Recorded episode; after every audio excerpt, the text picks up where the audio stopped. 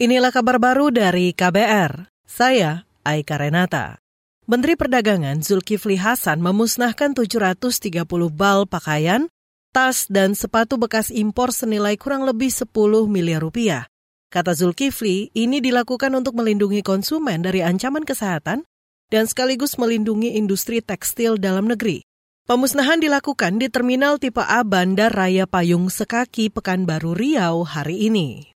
Isinya tas bekas 47 bal, sepatu bekas 571 bal, baju dan kain bekas sebanyak 112 bal. Berdasarkan keterangan pemilik barang diperoleh dari supplier yang ada di Batam.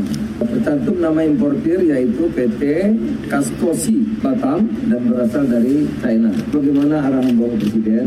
Karena kita kan dilarang impor barang bekas kecuali memang ada dikecualikan yang diperlukan Menteri Perdagangan Zulkifli Hasan menegaskan pakaian, tas, dan sepatu bekas merupakan barang yang dilarang diimpor.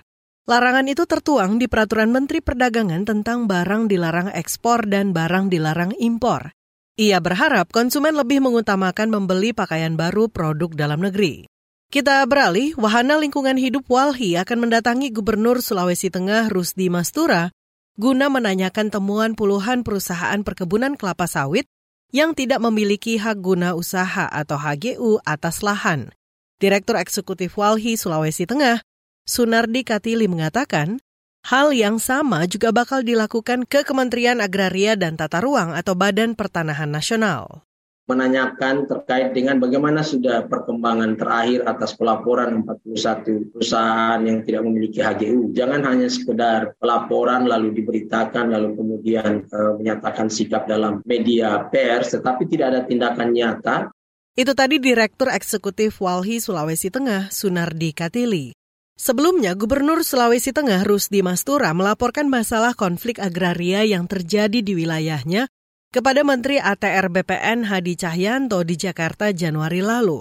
Kata Rusdi, konflik agraria di sana terjadi di areal perkebunan kelapa sawit yang tidak memiliki sertifikat HGU. Dari 61 perusahaan kelapa sawit yang terdaftar, ada 43 perusahaan tidak memiliki HGU. Kita ke berita olahraga. Pemain ganda campuran Indonesia Rehan Naufal dan Lisa Kusumawati melaju ke semifinal All England 2023 setelah mengalahkan Naru Sinoya dan Yamashita. Dalam pertandingan yang digelar di Utilita Arena Birmingham Jumat sore, Rehan Lisa menang lewat tiga game dengan waktu 76 menit. Di babak berikutnya, Rehan Lisa menunggu hasil dari pertandingan antara Decapol Sapsire dan Sosung J. Cheyujung. Kita ke lapangan hijau. PSSI hari ini mengumumkan daftar 29 pemain yang dipanggil untuk mengikuti pemusatan latihan atau TC Piala Dunia U20. Sejumlah nama yang dipanggil antara lain Hoki Caraka dan Muhammad Ferrari.